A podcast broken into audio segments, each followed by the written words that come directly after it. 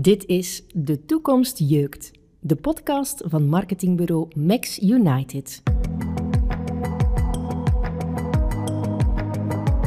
Platformstrategie is een term die in veel e-commerce trends opduikt. In mooie slides wordt het voorgesteld alsof het een fluitje van een cent is voor retailers om de bol.com van hun sector te worden en andere verkopers toe te laten op hun webshop. CIS is voor deze editie van De Toekomst Jeukt op bezoek bij Wim Mathues. Hij is in 2019 bij Decathlon aangeworven om zo'n platformstrategie te helpen realiseren. Wim, je bent Marketplace Partnership eh, verantwoordelijk bij Decathlon. Misschien eerst even ter inleiding vertellen wat dat precies inhoudt. Mijn rol bestaat er eigenlijk uit om uh, de juiste potentiële partners voor onze marketplace te gaan identificeren, ze vervolgens te gaan contacteren en uh, ja, te informeren over ons project. Het voelt op dat gebied soms een beetje als een salesrol, zal ik zeggen, maar anderzijds weigeren wij ook veel partners als we denken ze passen niet bij het concept. Dus het is eigenlijk het prospecteren en aansluiten van de partner. En zodra wij daar klaar mee zijn, dan neemt eigenlijk een collega van ons over, die dan meer op het operationele gaat werken. Dus wat wij noemen de onboarding en vervolgens het account management. We hebben het hier vandaag heel specifiek over Marketplace, over het platform uh, dat jullie met uh, Decathlon nu ongeveer een jaar geleden hebben ontplooid. Ja. Schets dat project is uh, binnen de context van Decathlon? Het is eigenlijk de transformatie van het volledige bedrijf en die is best ingrijpend, intern en extern, van een ja, tussen aanhalingstekens traditionele retailer in sport, gespecialiseerd in sport en inderdaad vrij sterk in heel veel landen, heel internationaal, naar eigenlijk een, een platformeconomie. Ik denk dat er al heel wat sectoren en bedrijven ons dat hebben voorgedaan. Uh, ik denk nog niet heel veel in de sector waar wij specifiek in zitten. En wij gaan zeker niet per se het oude businessmodel of het traditionele businessmodel van retail weggooien. Het is eerder een aanvulling en een, complementaire sterkte die wij gaan creëren op, op het, ja, het, ik vond het reeds succesvolle Decathlon eigenlijk, met, met dat platform. En daar eigenlijk nieuwe partners gaan op aansluiten om zo richting klanten, richting de toekomst, nog meer future-proof te zijn, nog meer relevant te zijn voor die klanten en daar eigenlijk een 360 graden sportplatform van te maken. Ik hoorde je eerder al in een aantal lezingen bij bol.com en Retail Detail, dacht ik. En ik herinner me dat je daar heel sterk het principe van own the highway eh, naar voren bracht. Dat is ook het doel van deze move. Het is een quote die ik Jurgen Engels uh, ooit hoorde gebruiken en die is me altijd bijgebleven, ook, ook in mijn rol voor uh, Decathlon ik denk als we dat toepassen op onszelf, eh, don't just build great cars on the highway. Uh, die, die great cars, ik denk onze huismerk, onze passion brands, zoals wij ze noemen. Ik heb die altijd gebruikt. Ik ben daar ook heel tevreden van. Prijs-kwaliteit denk ik vaak onkloopbaar. Maar als ik naar mezelf kijk, en ik denk dat als we naar veel consumenten kijken, voor sommige zaken verkies je dat Decathlon-product, dat uh, een, een Kipsta-voetbal of Quickma padelraket. En voor sommige zaken wil je nu eenmaal een ander merk, een bepaald A-merk. Het kan een Adidas zijn, een Specialized fiets. En ik denk dat dat is waar klanten naar op zoek moeten kunnen gaan bij ons. Die, die mix van die great cars, maar ook die highway die wij nu aanbieden ik denk het zou pretentieus zijn te kunnen zeggen dat wij opeens een, een Adidas gaan zijn of een Nike gaan zijn, maar wij moeten daar wel het volledige aanbod kunnen bieden. En de klant gaat dan uiteindelijk, de klant is koning, dat is, dat is een andere, heel oude uitspraak, maar de klant gaat zelf bepalen wat zij kopen, welk merk, welk, welk product en aan welk budget. Je noemt het een incredible adventure kan me daar wel iets bij voorstellen, want het is een beetje onontgonnen terrein toch hè, bij eh, Decathlon? Ja, bij Decathlon en ik, ik denk zelfs in, in de sector, omdat we... Ik, ik heb wel wat learnings van in, in andere projecten, in andere rollen van een Bol, een Amazon, een, een VAT exclusief. Uiteraard halen we daar learnings uit, maar geen enkel platform is één op één hetzelfde. Dus we hebben de, de valkuilen gezien bij anderen, maar het blijft een uniek verhaal dat we schrijven. En uh, onze partners ver vergelijken ons ook wel eens. Ik heb onszelf ook ooit in mijn sollicitatie vergeleken met een ander platform. Maar uiteindelijk onze visie en, en hoe we het aanpakken is ongezien. En dat maakt het enerzijds enorm, enorm boeiend, enorm uitdagend. Maar anderzijds geeft dat ook enorm veel uh, challenges. En dat kan je in goede of slechte zin bekijken, maar er is, ik ben heel fier op wat we al bereikt hebben de laatste twee jaar en het laatste jaar sinds we live zijn. Maar tegelijkertijd zijn er duizend dingen die ik nog zou willen oplossen of zou willen starten. Een voorbeeld is nu bijvoorbeeld het, het omni-channel verhaal dat we aan het oprichten zijn, dus het offline marketplace gedeelte. Uh, in Antwerpen zijn we daar nu mee aan het testen. Maar zo zijn er nog duizend zaken die we als team niet direct gaan kunnen tackelen. Dus ja, het is een, een adventure op dat gebied. Twee jaar geleden ben je daar aangeworven als eh, de eerste om dit eh, traject wat te trekken. Hoe zit het team nu in elkaar? Ja, dus we waren toen met, met inderdaad een handvol mensen. En veel mensen toen deden Marketplace als een deel van hun rol. Dus bijvoorbeeld mensen uit het e-commerce team, onze head of digital, die daar heel sterk de schouders mee onderzetten. Ik was denk ik inderdaad de eerste voltijdse op Marketplace. Ondertussen zijn er meer en meer aan het komen. En dat is ook fijn om te zien dat je daar ik zal zeggen, op bestaande rollen een breder team gaat bouwen, meer mensen gaat aannemen, dus gaat versterken, maar ook dat je nieuwe rollen gaat in het leven roepen en daar nieuwe profielen gaat vooruitschrijven. Profielen die Decathlon zelfs nog nooit gehad heeft. En profielen waar we misschien zelf soms een beetje ons afvragen, naar wie zijn we hier echt op zoek? Of welk type moet dit zijn? Welke senioriteit moet dat profiel hebben? Uh, moeten we dat intern of extern gaan zoeken? En, en, ik denk dat we nu een beetje een mix aan het bouwen zijn. We hebben nu net nog iemand extern aangenomen. Ik kwam ook van extern. De rest van het team is redelijk intern aangeworven. Zowel vanuit soms letterlijk winkels, van in de shelf, tot mensen die, die al op, uh, op de services, zoals we noemen, in, in Everen werkten. Dus het, is een mix, denk ik, van ja, verschillende leeftijden, verschillende levels van senioriteit, als je het zo kan zeggen. Ook verschillende achtergronden, verschillende opleidingen ook. Uh, heel uiteenlopend zelfs. Dat maakt het team, denk ik, heel sterk en complementair. En natuurlijk, naarmate we nu meer en meer internationaal gaan, beginnen we daar ook meer en meer de synergie van te zien. Dus dat we niet in elk land hetzelfde aan het nabouwen zijn, maar eerder het lanceren met de learnings uit een land, met ook de valkuilen die we al gezien hebben in een ander land. En gewoon bij elke launch, en dat zijn er gemiddeld, of ja, gemiddeld uh, openen we elke maand wel een nieuwe markt nu. Ja, een, markt, een markt bedoel je een land? Een land, ja. ja. ja. Dus uh, zelfs buiten Europa, India bijvoorbeeld, ben ik vandaag nog mee bezig geweest. Dus ja, dat, dat we eigenlijk niet altijd from scratch moeten beginnen en dezelfde ja, dat we eigenlijk kunnen versnellen land per land en gewoon opnieuw leren. En ook in omgekeerde richting, als wij een nieuw land openen, gaan we ook voor die eerste markten. België was de allereerste. Ja, de, de buurlanden daarna zijn gevolgd. Dus van een India-launch gaan wij ongetwijfeld ook weer zaken leren. Don't build great cars, own the highway. Beste Jurgen Engels, jouw quote is niet in Dovermans oren gevallen. Wim bouwt met zijn team volop aan die nieuwe highway. Dat dit strategisch ingrijpend traject is opgestart in België, is toch wel atypisch voor Decathlon, dat toch een stevig Frans merk is met winkels over de hele wereld. Wel, ja, ik ben specifiek voor dat project naar Decathlon gekomen, dus ik wil zeker niet uh, te veel babbelen over voor mijn tijd, zal ik zeggen. Maar het is natuurlijk een Frans bedrijf. Het is ook in Frankrijk dat het bedrijf extreem groot is. Dus ik, ik, denk dat de meeste strategische projecten, eh, ook als ik het hoor van collega's, vaak in Frankrijk werden gestart, gelanceerd. Dus op dat gebied is het misschien wel wat atypisch. De, de, global leader van ons project is ook een Belg. Dat was de voormalige CEO van Decathlon UK. Eh, die is daarvoor teruggekomen. Ja, een enorm inspirerend persoon. En die heeft dat ook mee op de kaart gezet. Ook uh, met de board bijvoorbeeld, met de CEO, met de eigenaars van Decathlon. Het blijft een familiebedrijf in a way. Ja, dat, dat daarmee overlegt. En op dat gebied het is zeker geen Belgisch project, het is een Europees, een global project. We zouden het niet op, op eigen houtje kunnen hebben, maar ik ben er als Belg natuurlijk ergens wel heel fier op dat het hier mogen lanceren is. En waarom, waarom België? Om het een moeilijke markt is? Of? Dat is mijn persoonlijke mening, maar ik denk dat de keuze een beetje een combinatie was van verschillende factoren. België is qua aantal inwoners, en vaak ligt dat redelijk in lijn met de omzet ook van, van een decathlonland, is eerder klein naar, naar Europese schaal. Uh, dus stel dat we hier fouten maakten, ja, liever hier dan in Frankrijk, zal ik zeggen. Anderzijds hebben we hier ook direct die twee talen. Wat interessant is, konden we snel scalen naar Nederland, naar Frankrijk. Maar ook, denk ik, een pluim voor de collega's van het traditionele e-commerce, dat België wel een heel sterk e-commerce land is, een heel sterk e-commerce team heeft. Dat de inspirator van het project in België zal er misschien ook iets mee te maken hebben. Die gaat dat niet in een ander land oprichten. Maar ik denk dat een combinatie is van de, de kracht die we hebben, het, het feit dat hier wel de de voedingsbodem voor dat ondernemen klaar was. Het land is niet te groot, dus we konden snel schakelen. Dus ja. Ik kom graag nog een keer terug naar uw eh, sollicitatiegesprek, dat je straks even aanhaalde.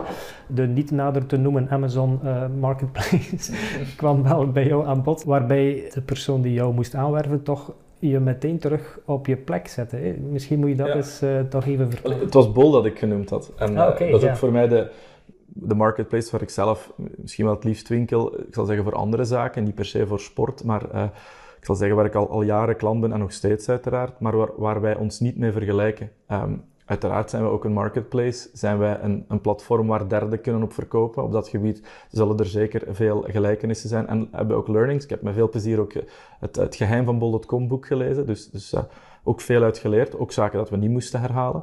Maar toen ik dat zei met sollicitatie, toen het project mij werd geschetst, antwoordde ik inderdaad, ah, dus jullie zijn eigenlijk een bol.com van de sport aan het bouwen.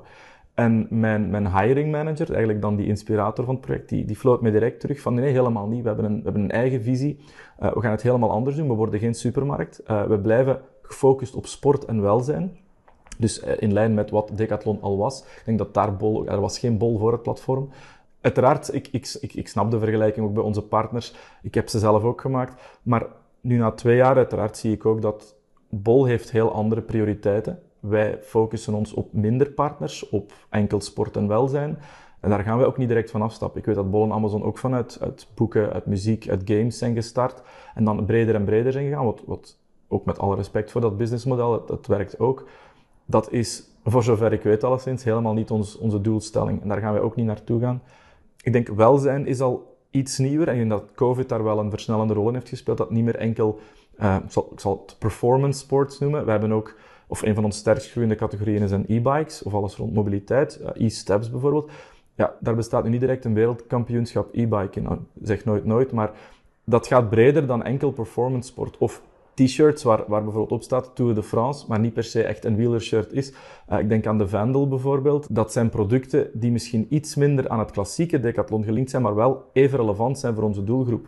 En het is niet omdat wij als wij bij wijze van spreken morgen sigaretten zouden aanbieden, dat zou ook verkopen, want een deel van ons doelpubliek zal ook roken. Maar het moet altijd passen binnen dat DNA van enerzijds Decathlon als brand en waar onze target group bij ons voor komt aankloppen. En als het daar niet binnen past, heeft het sowieso geen plaats bij ons. Maar het gaat breder dan enkel performance sport. Het gaat ook breder dan enkel producten. Het gaat naar services, sport services. Dat kan zijn een uh, 11, 11 Sports is aan boord, dus, dus uh, abonnementen voor media. Dat kan over evenementen gaan, zoals Golazzo. Dat kan gaan over een workshop, over een bikefitting, over uh, een cursus, een reis. We hebben Sporty Home met Frankrijk, die sportreizen of actieve reizen. Ah, ook daar weer, ja, wat is sport? actieve levensstijl, zal ik zeggen. Dus het gaat breder, maar het moet gelinkt blijven aan dat DNA. Is dat een kader dat vooraf heel sterk is uitgestippeld? Of is dat iets wat ja, ook en cours de route is bepaald? Beiden eigenlijk, in die zin, het, het, het, was heel goed uitgeschreven. Ik bedoel, de PowerPoint was er. Maar als je dan begint, merk je toch heel vaak dat het niet zo zwart-wit is als dat er op een slide kan staan. En dat je je moet gaan afvragen, is dit sport? Is dit welzijn? Is dit de kwaliteit die wij zoeken? En dat kan heel subjectief zijn. We hebben daar al heel veel getracht, heel objectieve frames in te schrijven. Bijvoorbeeld e-sports is een, is een twistpunt. Is dat echt sport? En dan heb je daar nog binnen het, twistpunt, ga je naar e-sports waar ook nog fysieke, eh, ik denk aan de Wii, de Wii-sport van vroeger, dat is nu niet echt dat daar competities in bestaan, denk ik, maar controllerbediende sport, past dat bij Decathlon, waar mensen gewoon een controller aan bedienen zijn, en dat zeg ik met alle respect voor e-sport. Motorsport, nog zoiets. Formule 1-piloten zijn uitzonderlijke atleten, maar dat past niet binnen het DNA van Decathlon. Formule E misschien weer wel in de toekomst. Dus dat zijn zaken waar wij over moeten nadenken. Passen die bij ons? Passen die bij ons DNA? Zit onze doelgroep eh, daarop te wachten? Dus en cours de route, ja, constant. Stel dan dat ik een product heb uh, op de markt gezet en ben een start-up, heel klein, kan ik dan aanspraak maken op uh, partnership? Absoluut. Natuurlijk pakken wij graag uit met die, met die heel grote namen, hè, de, de Adidas, de Santini, UCI. Maar een start-up denk ik dat wij vaak zelfs nog een sterkere rol voor kunnen spelen voor een Adidas gaan wij een heel mooi verkoopskanaal zijn, een heel mooi platform zijn, maar ze hebben er ook nog andere. Ze hebben ook zelf een heel sterke D2C. Voor een start-up gaan wij misschien een omzet kunnen verhonderdvoudigen. Allee, het hangt van hun product en hun prijs. En, en kan het, ik wil het zeker niet beloven aan elke start-up waar we mee spreken, maar waar zij soms nog uit hun garage aan het verkopen zijn aan hun ouders en hun vrienden, kunnen zij bij ons opeens wel gaan verkopen op een miljoenenpubliek die geïnteresseerd zijn in hun producten. Dus voor mij heeft een start-up evenveel partnership recht, om het zo te noemen, dan, dan een multinational. Misschien hebben we wel ergens de volgende Adidas of Puma ontdekt met, met zo'n start-up. We hebben daar zelfs een speciale wedstrijd voor uitgeschreven, een pitch day, samen met de hulp van een, een stagiaire die dan daar een paar maanden op gewerkt heeft om eigenlijk kleine bedrijven of, startende bedrijven die, die onder onze radar blijven, eigenlijk uit te nodigen om aan ons te komen pitchen. Niet om te investeren zoals bij een, een Lions Den of zo, maar, maar echt om een partnership te verzilveren ik, ik hoorde wel eens collega's in het buitenland zeggen, als ze een partner weigerden, niemand kent jullie merk. En dat is voor mij helemaal geen correct argument, dat heb ik hen ook gezegd. Maar daar moeten we soms nog een beetje op aligneren, op waarom we een partner accepteren of weigeren. Maar ik denk, wij kennen allemaal redelijk veel van die sportmerken, maar ook vaak maar van twee, drie sporten die we zelf uitoefenen. Zeker niet van alle tientallen waar we in zitten. Dus ik denk als het product van kwaliteit is en het is een origineel product in die zin, het is niet ergens uh, en masse geproduceerd met gewoon een, fancy sticker op, omdat een bepaalde ondernemer wil meesurfen op bijvoorbeeld de padel-hype of zo, dan moet dat kunnen. En dan moeten we tenminste het willen proberen en dan zal de klant beslissen, op basis van de sales, maar ook op basis van de reviews, is dit product succesvol en um, heeft het bestaansreden bij ons. Sport en welzijn. Dat is de afbakening. Dankzij partnerships met merken en verkopers biedt Decathlon producten, diensten, abonnementen, events, workshops en zelfs reizen aan. Hiermee willen ze in het hoofd of het hart van veel meer consumenten geraken. En kwaliteit is het uitgangspunt. Maar zijn er ook andere criteria om merken toe te laten of te weigeren? Duurzaamheid, de manier van het produceren, is dat iets wat jullie ook naast het product op zich ook gaan controleren? Hoe, hoe ver gaan jullie daarin? Het, is, het, het, speelt sowieso een belangrijke rol. Niet enkel voor Marketplace trouwens, maar Decathlon in general is daar enorm mee bezig. Met duurzaamheidsprojecten zelf duurzamer produceren, duurzamer leveren, maar ook uh, circular uh, economie aanmoedigen. Dus wij kopen fietsen terug op wij refurbishen die, uh, fitnesstoestellen trouwens ook. Ik zal zeggen de investeringsgoederen, skis, tenten. Wij refurbishen die en wij herverkopen die. En dan gaat het niet enkel over onze passion brands, maar bijvoorbeeld een Orbea fiets, een BMC, dus fietsen wel van 3, 4, 5.000 euro. Maar binnen Marketplace is dat ook een belangrijk gegeven. Dus we hebben partners die specifiek focussen op het duurzame. Een Pierre Sport uit Brussel bijvoorbeeld, prachtig bedrijf, uh, start-up, scale-up modus die yogamatten en accessoires maken van gerecycleerde sneakers en uh, kurk dat is een, een project of een, of een bedrijf waar dat volledig in het DNA zit. Maar anderzijds laten we ook tweedehands goederen toe. En dan niet per se om dat aan een lagere prijs te kunnen want vaak zijn dat net de duurdere merken die dan hun tweedehands bij ons uh, komen stallen. Maar daar is een markt voor. En de fietsenindustrie is ontploft, dus ik verwacht ook op een bepaald moment dat er heel veel tweedehands op de markt gaat komen. Dan kan dat ook. En, en dat is ook rond het duurzaamheidsproject. En wij gaan bepaalde producten daar ook mee belonen of in de kijker zetten met een eco-design label. En zelfs richting het, de fysieke marketplace, die ik daar straks kort aanhaalde. We zijn die in Antwerpen aan het testen, maar in Namen bijvoorbeeld doen we een, een shop-in-shop enkel voor duurzame partners. Dus als je daar niet aan voldoet, maak je zelfs geen kans. Dus ik zal niet zeggen dat we dat op elke partner als staalharde vereisten al kunnen zetten. Dat zou mooi zijn, maar daar zijn we nog niet. Dat zou ook wat hypocriet zijn, denk ik, naar onszelf toe, want daar is bij ons ook nog werk aan de winkel. Maar het speelt een rol en stel dat wij op een bepaald moment zaken ontdekken in de pers of via de screenings die wij doen die niet door de beugel kunnen op dat gebied, dan gaat die partner er ook af. Ik verplaatste me even in die rol van start-up daar straks. Mijn logistiek apparaat is op dat moment nog niet zoals het hoort te zijn om mee te kunnen surfen, dus ik ben nog wat startend. Lossen jullie voor mij dergelijke logistieke issues ook op? Ja, het is iets waar we vaak worden vergeleken ook met de, met de grote platformen die dat al jaren aanbieden en waar het dan echt een gestroomlijnde machine is.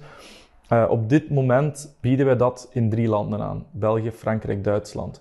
Duitsland bijvoorbeeld gebeurt er dan op onze eigen logistiek, waar wij plaats voor maken, zal ik zeggen. In België besteden we het uit aan een, aan een externe uh, logistieke firma. Dus het kan. Het is zeker nog niet in elk land aan de orde. En we zijn terwijl ook bezig met een gecentraliseerde Europese solution.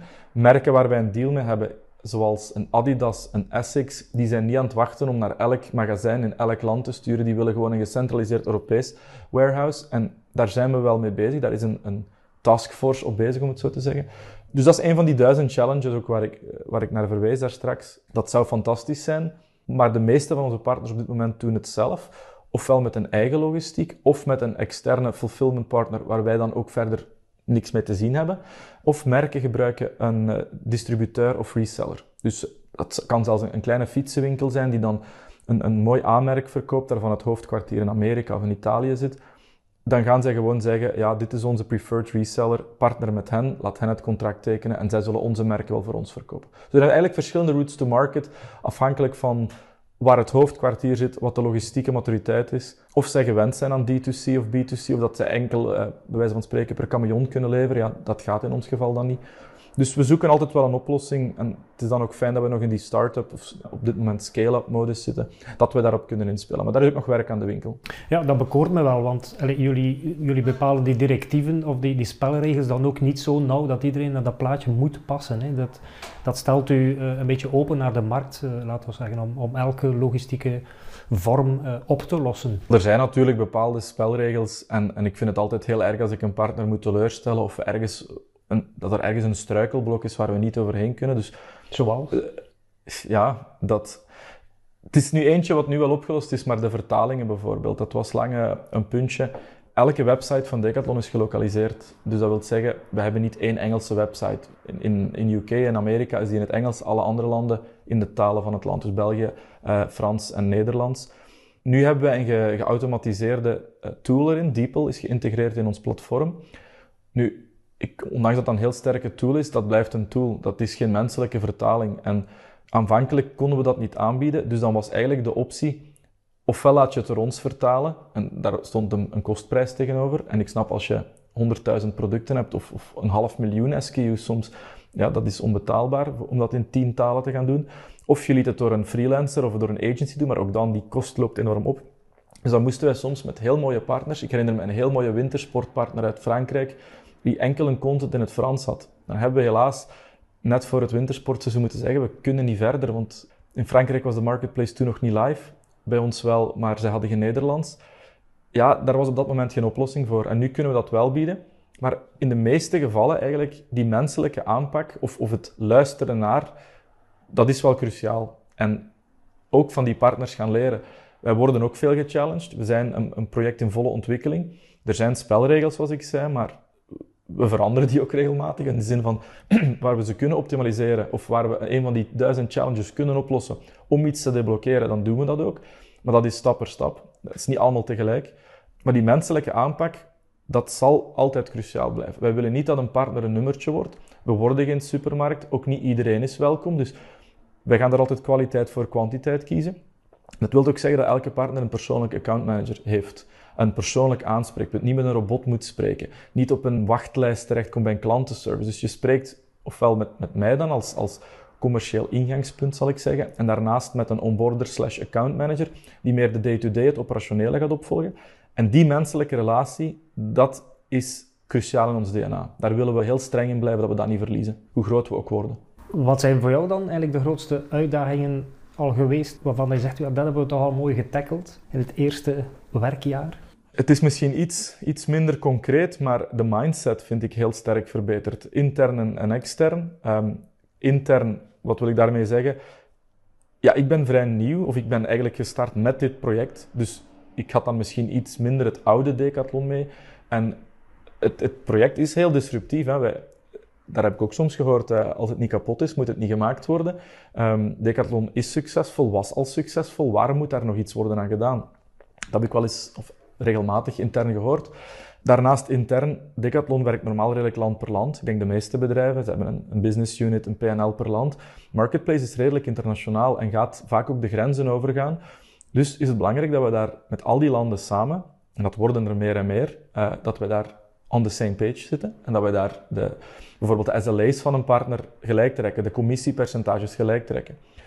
Dat klinkt vrij simpel, maar dat is het niet altijd. Want als één land zegt, nee, ik, ik, ga, ik ga België niet volgen, jullie zijn trouwens ook maar een klein land bijvoorbeeld, ja, wat, wat dan te doen? We zijn sowieso ook een heel platte uh, hiërarchie, een heel platte structuur. Dus het is niet zo dat dan de een of andere grote baas opstaat en zegt, we gaan het zo doen en niet anders. Iedereen heeft zijn mening daarin, iedereen heeft argumenten pro en contra. Dus intern die mindset gelijk trekken en die, die teams aligneren, dat was zeker een grote uitdaging. ik vind dat we daar al enorme stappen in hebben gezet dat we ook meer en meer structuur in dat team krijgen. Niet per se een klassieke hiërarchie, maar meer wat is mijn scope en waar stopt die? Wat is de jouwe? Dat vroeger misschien iets meer à la start-up. Uh, iedereen doet een beetje van alles.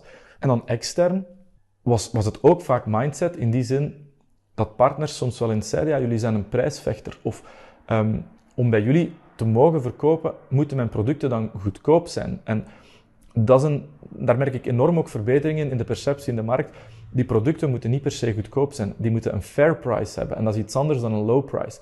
Als je de voetbalschoenen van een Messi of een Ronaldo, of zoals in mijn tijd een Beckham, een Zidane, een Philip de Wilde, dan gaat het over andere prijzen dan dat je een Kipsta-schoen koopt. Dat wil niet zeggen dat een Kipsta-schoen te goedkoop is of die Adidas Predators te duur. Het gaat over de fair price. En we hebben heel wat mooie, grote aanmerken die nu aan boord zijn gekomen. Sommigen die in het begin zeiden, ja, wij zien die associatie met Decathlon misschien niet direct zitten, of dat past minder bij ons DNA. Die nu ook zien, ja, onze klanten zitten daar. Er zijn nergens zoveel sportklanten als bij Decathlon. Dus het is logisch dat wij daar ook bij komen.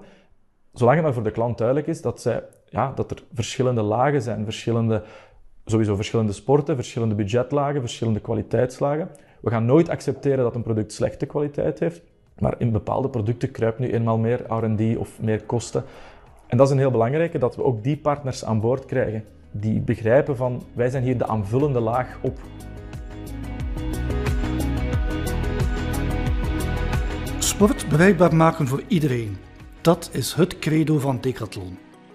Spelregels vormen geen keurslijf en iedereen gelooft vanuit een start-up modus in het samen sterk idee. In die context zijn nieuwe merken dus welkom. Merken die een breed publiek aanspreken in verschillende prijsklassen en die een aanvulling zijn op het eigen aanbod. Onze visie is op dat gebied niet veranderd. Making sports accessible. Het is niet omdat wij nu voetbalschoenen van 300, 400 euro aan boord hebben, dat die van 25 zullen verdwijnen. Dat is een ander type schoen. En ik denk onze eigen, onze passion brands zijn aan een enorm mooi parcours bezig. Hè. De, de Pro League in België in het voetbal gaat met, met onze kipstabal spelen. De League 1 ook. En daar spelen toch niet de minste spelers ter wereld. Uh, de nationale hockeyploeg met goud spelen drie spelers, geloof ik, met de Korok sticks. Um, er zijn al toeritten gewonnen in Van Rijssel uh, wielerschoenen. Dus elk van die merken is aan zijn eigen parcours bezig, een eigen merkwaarde um, aan het opbouwen, met inderdaad mooie vertegenwoordigers die wij in tegenstelling tot, ik zal zeggen, de grote aanmerken op aarde niet per se miljoenen gaan toestoppen. Dat gaat echt wel over mee die producten ontwikkelen, over de kwaliteit, de meerwaarde ervan. Maar daarnaast moeten we ook niet naïef zijn, zoals ik daar straks ook al zei. Ik ga een kipsta niet vergelijken met Nike, Puma of Adidas. Dus het is opnieuw daar dat volledige spectrum kunnen bouwen op elk niveau. Maar ook al heeft Marketplace misschien op het eerste zicht minder te maken met, met onze passion brands. Ik ben zelf als werknemer van Decathlon enorm fier dat die, dat die passion brands ook aan een mooi parcours bezig zijn. De uitdaging naar de fysieke wereld dan, uh, je vertelde net in Antwerpen en in Namen ook al uh, wat eerste stappen gezet. Dat lijkt me een gigantische uitdaging, zeker ook met die verschillende landen waar die marketplace zich wat anders uit, om dan per land ook in die fysieke retailwereld dat marketplace idee, die meerdere merken vertegenwoordiging, om dat te laten doorcijpelen. Hoe moeilijk is dat parcours? Ik word daar gelukkig in begeleid door een geniale collega die, die zelf winkeldirecteur is geweest, dus die heel goed begrijpt hoe een winkelvloer werkt, hoe de kassasystemen werken, heel praktische zaken. Uh, en die heeft nu een, een, een rol binnen het vastgoedteam. En het idee was eigenlijk of in een perfecte situatie zouden we moeten kunnen marketplace producten in de winkel verkopen. Praktisch gezien is dat inderdaad niet evident, omdat bij een marketplace model zijn wij geen eigenaar van die producten. Wat dus wil zeggen dat die producten in ons systeem zitten en dus niet kunnen afgerekend worden aan de kassa.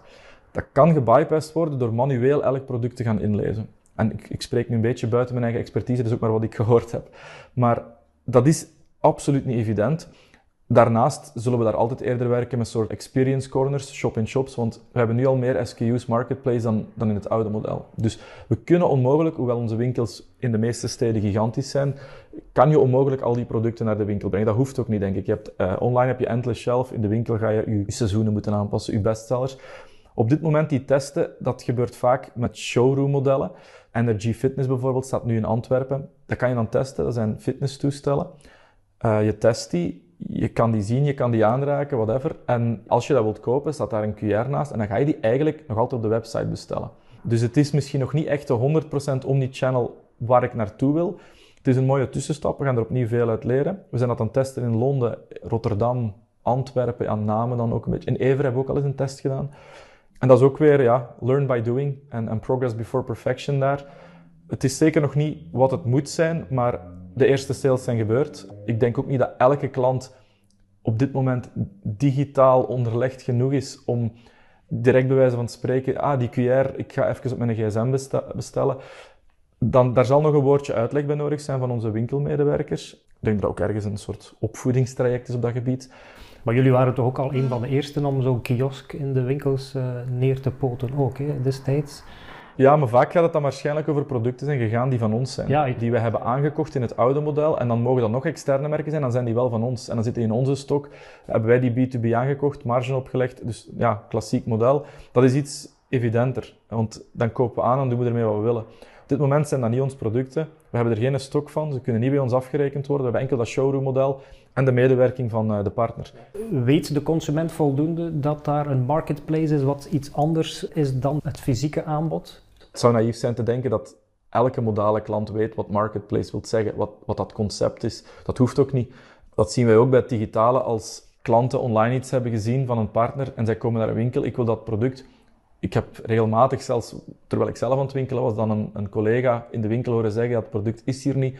Dat dat toch op wat onbegrip stuit bij die klant. Dat zeggen, maar het staat toch op jullie website, het is toch ook Decathlon? Ja, dat, ik kan die klant perfect begrijpen. Het is allemaal Decathlon, maar het is een ander model, een andere route to market. En ja, dat heeft geen zin dat te gaan uitleggen aan, aan iedereen. Maar dat is ergens een, een, een, leertraject, denk ik.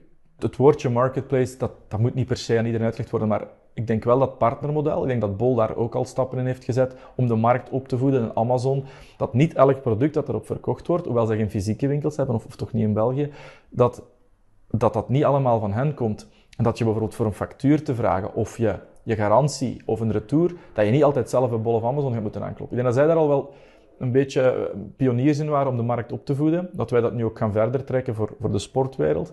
Maar dat, dat is ook weer uh, work in progress. Dat zal niet direct in orde zijn. Maar... Er komt wel wat customer support bij, denk ik, hè? om dat soort vragen op te vangen, ook in de winkel. Ja, ik ben al in een paar winkels gaan presenteren rond wat Marketplace is. En dat was soms met een klein hartje, want ik begrijp dat wij hen soms met heel wat gedoe hebben opgescheept. Hè. Daar komen retours binnen die eigenlijk niet daar moeten zijn. Daar komen vragen binnen van producten die ze niet eens weten. Wat is dat? Ik, ik kan bij wijze van spreken vandaag een product op de website zetten en zij krijgen daar vragen om, maar zij worden niet constant gebriefd. Dat, dat kan ook niet, dat is niet realistisch. Dus ik, ik moet daar de collega's in de winkels enorm voor bedanken, hoe begripvol zij zijn in dat traject, dat zij ook beseffen dat dit pas de start is, dat wij daar hard aan werken. Uh, een collega van mij is ook voor een heel groot deel van haar tijd bezig met de communicatie met de winkels, met de klantendienst, om dat allemaal te stroomlijnen. Maar dat zal ook nog niet morgen in orde zijn. En ja, kan, ik kan die collega's alleen maar bedanken om, om zo begripvol te zijn en daarin te ondersteunen en ons te helpen. Dat als daar een retour binnenkomt, dat zij zeggen, kom, zal ik het wel voor u doen, beste klant. Want inderdaad, Decathlon is Decathlon. En dan gaan zij die retour naar die partner terugsturen voor de klant. En dat levert hen werk op, waar zij op dat moment niet direct op verdienen als je het echt per business unit gaat bekijken. Maar ook daar geloof ik dat we naar een geïntegreerd model moeten. We werken allemaal voor hetzelfde bedrijf. We mogen daar niet offline versus online of online versus marketplace gaan bekijken. Dat, is, dat moet één geïntegreerd model worden, ook naar profit en loss. Alles integreren gebeurt niet van vandaag op morgen. Zoveel is duidelijk. De tanker blijft zijn koers varen, maar krijgt een speedboot naast zich. Met nieuwe uitdagingen voor personeel, organisatie, logistiek en communicatie. Met snelle sprints, maar ook met af en toe een groeikraan. De podcast noemen we De Toekomst Jeukt. Waar denk je dat eh, de toekomst in dit marketplace verhaal het meeste zal jeuken in het komende jaar? Ik denk de, de schaal is nu cruciaal. Dus we zijn in een paar landen succesvol uh, geopend, meer en meer. We gaan nu ook meer en meer buiten Europa, waar toch ook vaak andere wetten gelden, letterlijk en figuurlijk, andere culturen, andere merken. Ik denk die uitbreiding, de ambities zijn voor dit jaar al enorm veel hoger dan vorig jaar, maar we kijken eerder op vijf jaar schaal, maar daar is dus één jaar al van verstreken sinds de livegang, twee jaar sinds eigenlijk het project uh, in het leven werd geroepen.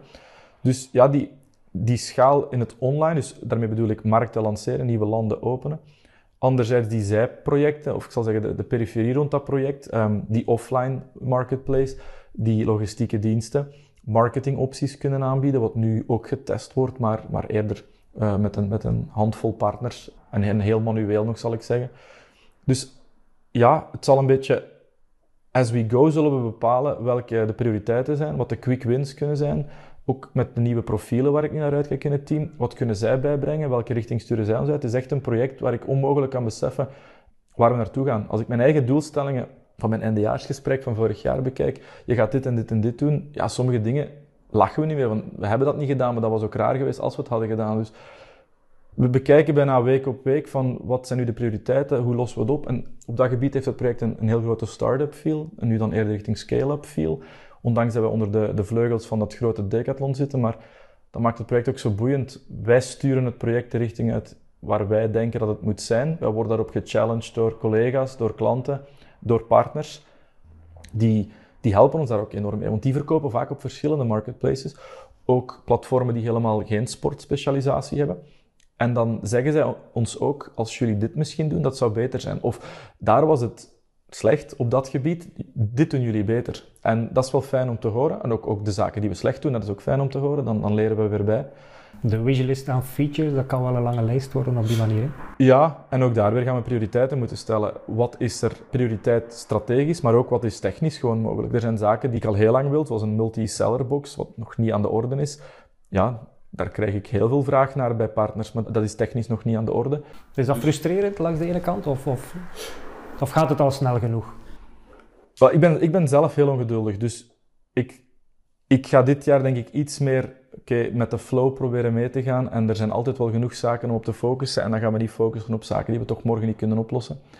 Ja, er zijn zoveel challenges of optimalisaties die er nog kunnen gebeuren, dat het, ja, dat het niet, niet, niet relevant zou zijn constant te blijven focussen op, op alles tegelijk. Je moet je drie big bets of zo voor de volgende maanden selecteren, die met zoveel mogelijk liefde en, en passie uitvoeren of, of ondersteunen of, of challengen bij collega's. En, en zo gaan we vooruit, denk ik. Ja, mooi. Minder snel opjaren. Ik denk met de, de spruit die eraan komt hier in het gezin uh, Wim Mathieu's, uh, dat dat ook wel zal helpen. Het zullen misschien andere frustraties zijn.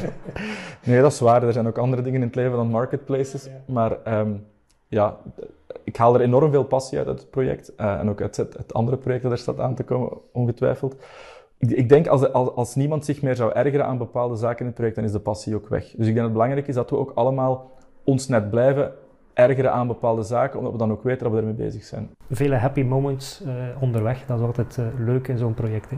En, en als we dan terugkijken over een paar jaar naar, naar hoe het begonnen is, van echt uh, mijn, mijn toenmalige baas, of ja, dat is nog steeds mijn baas, maar die het uittekent op een, op een blad papier van dit is wat we aan het doen zijn, en dat ik het toen dan vergeleek met een ander platform, die internationale schaal, ik had nooit verwacht dat dat zo snel kon gaan. Zeker niet binnen zo'n groot... Ik heb daarvoor nog voor, voor grote bedrijven gewerkt waar het vaak heel log kan gaan, heel traag kan gaan.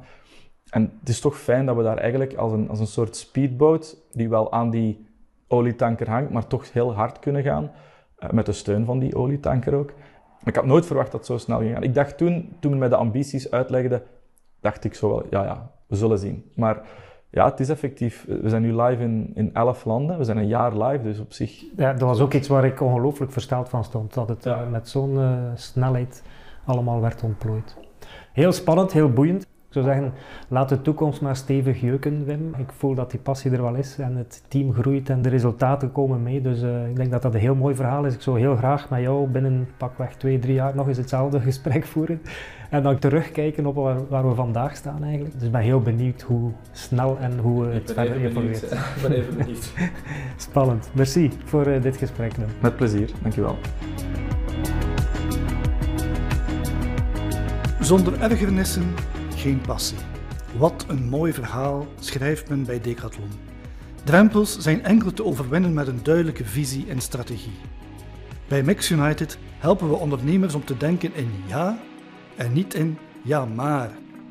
Hoe we jou kunnen helpen, vind je op maxunited.be.